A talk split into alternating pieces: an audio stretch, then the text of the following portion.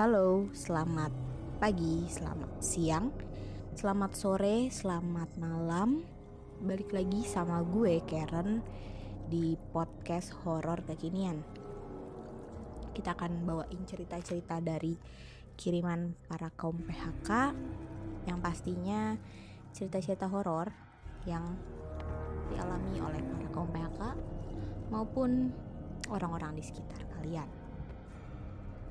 Buat teman-teman yang belum follow Instagram kita di @podcasthororkekinian bisa langsung aja follow dan juga follow kita di Spotify di podcast horor kekinian. Di Instagram kalian juga bisa langsung isi Google Form yang ada di bio-nya untuk uh, isi kisah kalian untuk mempermudah kalian untuk isi kisah kalian. Di episode 6 ini kita langsung aja ke cerita yang pertama. Cerita pertama dari R. Cerita ini aku dengar dari tetanggaku, sebut saja Mbak Arin, yang ada di kampung di daerah Jawa Tengah. Kejadian ini sudah cukup lama terjadi, mungkin sekitar tahun 90-an dan Mbak Arin ini cerita ketika aku pulang kampung. Jadi, dulu di kampung kami ada seorang wanita bernama Maria. Usianya mungkin sekitar 30-an. Ia telah memiliki satu anak laki-laki berusia 7 tahunan. Jadi pada saat itu ia tengah mengandung anaknya yang kedua. Suatu hari, Mbak Arin mendapat kabar dari teman yang bernama Husna, itu nama samaran, bahwa tetangganya yang bernama Maria yang tadi disebut itu sakit. Maria diketahui memiliki penyakit komplikasi yang membuat kehamilannya bertambah buruk. Alhasil, Mbak Arin dan juga Husna menjenguk Maria. Sebenarnya Mbak Arin tidak terlalu kenal dengan Maria karena mereka berbeda dusun. Tetapi Mbak Arin tahu karena ia sering main ke rumah Husna dan Husna dan Maria itu tinggal berdekatan. Mbak Arin dijemput oleh Husna yang sehabis pulang kerja. Kemudian mereka berdua menaiki motor untuk menjenguk Maria. Sesampainya di sana, mereka masuk ke dalam rumah Maria dan melihat wanita itu tengah berbaring di kamarnya. Kondisinya lumayan parah, sehingga Maria hanya bisa berbaring di kasur. Mbak Arin dan Husna bertanya-tanya mengenai sakit yang diderita Maria kepada suaminya.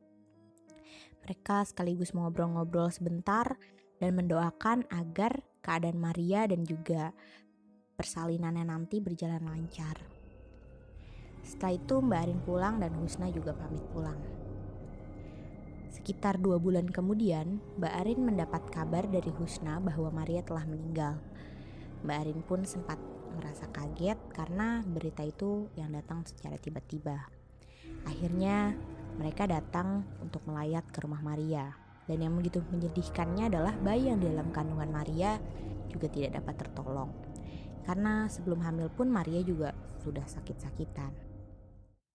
Seminggu kemudian, setelah Mbak Arin dan Husna melayat, saat itu Husna menelpon Mbak Arin di tengah-tengah perjalanan. Suaranya begitu ketakutan dan juga terdengar seperti menangis. Husna bercerita ketika ia pulang kerja saat naik motor dari pabrik ke arah rumah sekitar jam 12 malam karena pada saat itu Husna mendapat shift malam. Ia pulang melewati gang dekat rumahnya. Cuaca sedang hujan sehingga ia mengendari motor dengan kaca helm dibuka. Ia melihat seorang wanita yang membawa payung dan menggendong bayi. Karena itu, berada di dekat rumah Husna, jadi ia berpikir bahwa itu adalah tetangganya. Jadi ia menyapanya dan hendak memberi tumpangan. Tapi saat itu juga Husna terkejut karena wanita yang berada di hadapannya adalah Maria yang meninggal seminggu yang lalu. Jadi Mbak Arin ini tetangganya si Mbak yang cerita nih di kampung daerah Jawa Tengah tapi nggak dikasih tahu daerah Jawa Tengahnya tuh di mananya. Tapi di sini cukup horor ya, cukup serem karena di situ udah sekitar semingguan yang lalu si Maria itu meninggal. Dan tiba-tiba si temennya itu si Husna itu ngelihat Maria di tengah-tengah hujan. Lagi gendong anak tapi padahal kan di itunya di kehidupan aslinya kan anaknya udah meninggal di dalam perut kan. Tapi di sosok yang dia lihat itu lagi bawa anak. Jadi dia bisa gentayangan sama anaknya juga mungkin. Tapi bisa jadi uh, Maria itu membawa pesan gak sih? Soalnya kan kayak Husnanya juga kan emang baik sama dia. Nggak gimana gimana mungkin aja dia mau menyampaikan satu pesan Oke, daripada lama-lama kita langsung lanjut aja ke cerita yang kedua. Nah, cerita ini juga sama nih. Datangnya sama-sama saat dia berada di Jawa Tengah. Coba deh aku mau tanya sama teman-teman yang mungkin tinggal di Jawa Tengah. Apakah di Jawa Tengah banyak hal serupa yang horor-horor gitu. Karena nih lumayan banyak dari Jawa Tengah. Oke kita langsung aja. Ini namanya Ari. Ini nama samarannya Ari. Di dia tinggalnya di Jakarta Selatan. Dan dia ini ceritanya pas lagi di oh dia lagi pulang kampung dia lagi pulang kampung di Jawa Tengah. Oke langsung aja. Jadi kejadiannya ini gue alamin sekitar satu setengah tahun yang lalu di kampung halaman gue yang berada di salah satu kota di Jawa Tengah. Satu hari gue lagi main ke rumah saudara gue yang sebenarnya jaraknya nggak terlalu jauh dari rumah nenek. Kemudian um, jalan yang terdekat adalah melalui jalan melintasi lapangan yang lumayan luas, yang sangat luas. Dan saat sore gue memutuskan untuk balik ke rumah nenek. Tapi karena satu alasan, setelah menjelang maghrib, gue bingung mencari handphone gue yang gak ketemu-temu dan ternyata ketinggalan di rumah saudara gue yang tadi. Gue berencana mau ngambil HP itu setelah maghrib karena kalau di kampung gue ya biasanya setelah maghrib mereka pergi ke pondok untuk mengaji dan tidak ada satupun sepupu gue yang bisa nemenin gue untuk ngambil HP itu. Karena gue pikir jaraknya kan dekat dari rumah nenek, akhirnya gue memutuskan untuk naik sepeda ke sana. Untuk gambarannya, sepeda yang gue naikin itu Modelannya depannya ada keranjangnya dan belakangnya ada boncengannya. Di situ gue memutuskan untuk melewati jalan setapak sawah. Pada awal ya, gue jalan biasa aja. Tapi saat mulai masuk pertengahan jalan, tiba-tiba sepeda gue oleng dan di situ gue masih pikir positif karena jalannya emang tanah mungkin licin, mungkin juga gue kepleset gitu. Tapi hal janggal yang kedua, adalah gue ngeliat sehelai kain warna putih dengan tegak. Dan akhirnya gue beraniin diri buat lihat ke belakang. Dan di situ terlihat jelas sosok pocong yang sedang duduk di jok belakang. Dan di situ gue baca-baca doa dengan harapan dia hilang tapi dia malah bersuara seperti orang mengerang, marah, dan semakin gue kencang baca doa, semakin kencang juga suara pocong itu um, mengerang marah. Sampai pada saat ber, uh, ketemu sebuah persimpangan jalan raya gitu, suaranya hilang dan pocongnya pun hilang. Dan gue baru sadar ternyata saat gue oleng itu adalah saat ketika pocong itu lompat dan membonceng di belakang sepeda gue. Uh, gue bacanya merinding loh. Seriusan gue merinding. Berarti ini si pocongnya mungkin dia pengen numpang kali, pengen numpang ke persimpangan jalan tapi yang bikin ngerinya itu kan dia bilang tadi abis maghrib orang-orang semua pada nggak ada di situ kan pada pergi ngaji berarti sepi banget dong. Apalagi kalau kita bayangin ya di daerah desa yang sawah sawah-sawah gitu pasti ya kebayang lah suasananya kayak gimana. Udah mulai malam tuh abis maghrib mungkin sekitar jam tujuan angin silir-silir ih kebayang banget. Kalau gue jadi di situ sih kerasa banget serem ya bener nah nih tadi kan udah dua cerita dari Jawa Tengah. Coba deh teman-teman yang di Jawa Tengah mungkin bisa kirim-kirim cerita juga nih yang mungkin udah jadi urban legend udah jadi uh, apa ya semua orang pada banyak tahu lah kisah-kisah di daerah sana. Mungkin bisa langsung DM kita atau bisa langsung isi Google Formnya di link di bio Instagram. Soalnya gue penasaran banget nih kayak kisah-kisah yang dari di suatu daerah gitu tuh yang udah emang terkenal banget gitu tuh apa aja sih gitu. Teman-teman gak cuma yang di Jawa Tengah mungkin dari Sabang sampai Merauke atau mungkin teman-teman yang lagi ada di luar negeri bisa ceritain ya pengalaman-pengalaman kalian. Karena gue tuh sebenarnya penasaran banget.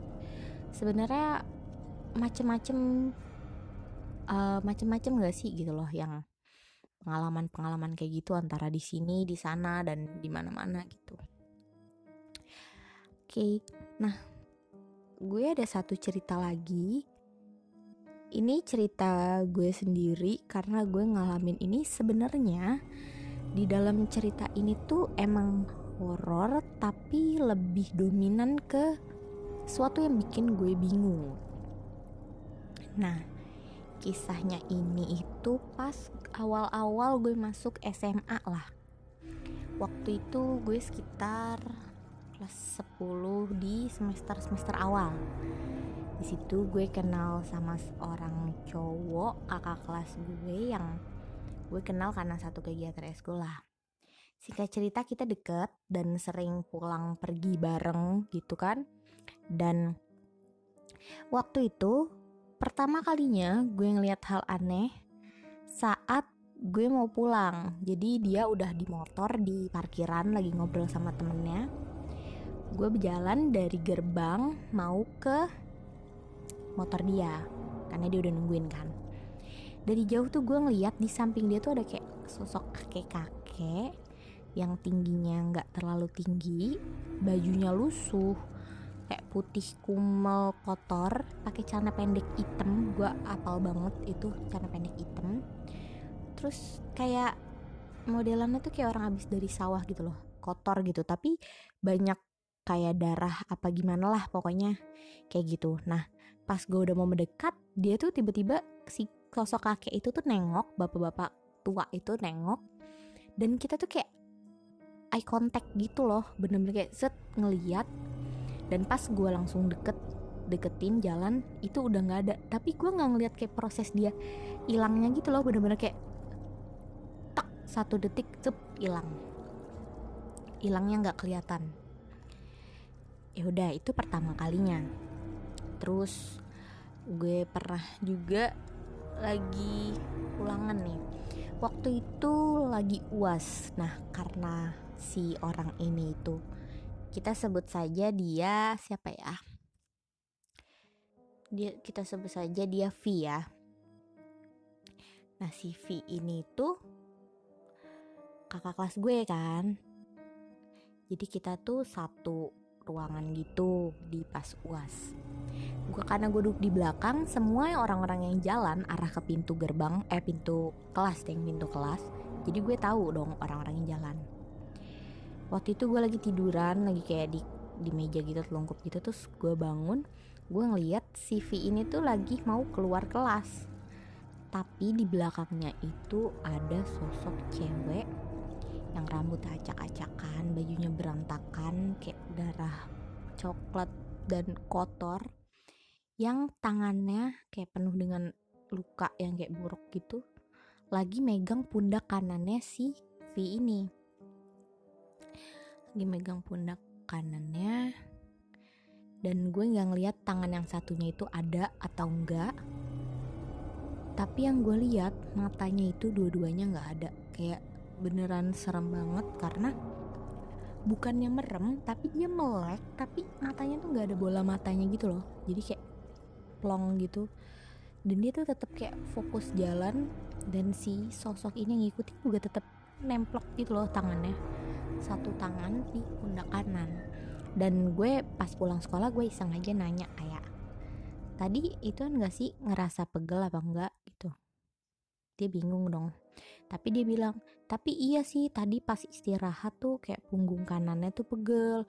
Eh uh, pundak pundak pundak kanannya tuh pegel. Tapi sebelah doang dia bilang gitu kan. Dalam hati gue langsung kayak wah berarti ini beneran nih bukan cuma gue salah lihat gitu kan. Kayak tuh udah tuh. Nah terus gue pikir gue doang kan yang ngeliat ada sesuatu di dia. Tiba-tiba temen gue yang lain kita sebut aja J si J ini tiba-tiba cerita sama gue kayak Ren lu tau gak sih masa tadi gue ngeliat di belakangnya si V ada sosok yang kayak gede hitam gitu kan. Terus gue sempet kaget kayak seriusan lu ngeliat gitu? gitu kan. Terus kata si J iya gue ngeliat gitu. Dan terus teman gue yang lain lagi ada si M lah sebut aja M. M juga bilang kayak Ren tadi gue masa gue ngeliat? Jadi si M sama J itu emang mereka punya kemampuan lah untuk ngeliat gitu nah si M itu ini udah di hari yang berbeda ya udah selang kayak beberapa minggu apa beberapa bulan. Itu si M ngomong kayak tadi gue ngeliat masa di belakangnya V kayak ada yang ngikutin. Yang ngikutin itu nenek-nenek gitu kan. Nah puncaknya itu pas dia lagi nganterin gue pulang ke rumah nih. Gue udah nyampe depan pagar. Gue padahal biasa aja kayak dia kayak pulang terus tos gitu kan kayak ya udahlah biasa aja sampai gue depan pagar tiba-tiba ada tukang cincau apa cendol gitu lewat. Gue padahal juga jarang beli gitu loh nggak yang akrab sama tukangnya itu. Tiba-tiba dia nanya siapa tuh? gitu kan. Ya udah gue bilang aja temen gitu kan. Gue sambil jawab biasa aja sambil mau nutup pagar. Tiba-tiba dia ngomong temen kok gitu? Ngomongnya tuh sambil kayak ngeliat mungkin nah kayak gue penasarannya tuh apa sih bapak itu juga ngeliat yang aneh gitu loh si di CV ini? Soalnya si bapak itu kayak bener-bener sampai ih temen kok kayak gitu gitu loh. Kayak nyampe segitunya loh kayak gue sampai bingung lah emang kenapa? gitu. Nah yang bikin gue bingung itu beberapa kali orang yang lihat kayak gue ngeliat dua kali tuh sosok yang berbeda deket CV itu.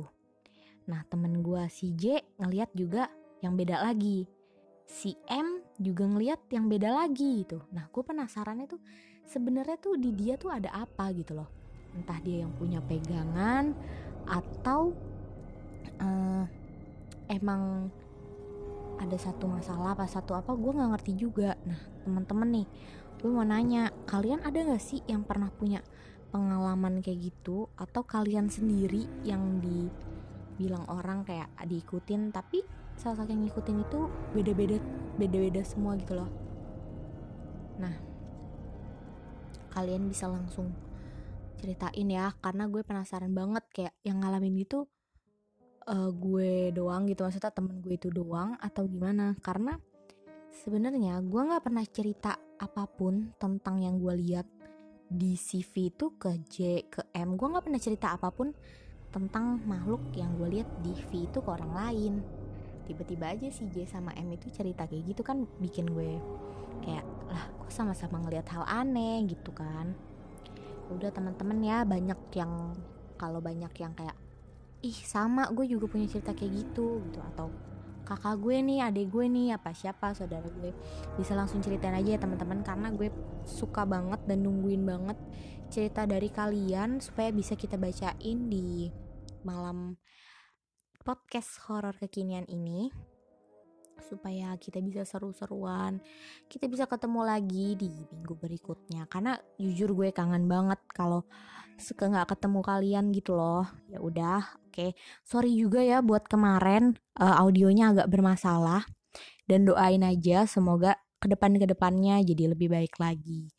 Thank you buat semuanya yang udah dengerin sampai akhir Uh, see you di minggu berikutnya ya. Selamat pagi, selamat siang, selamat sore, selamat malam. Bye bye.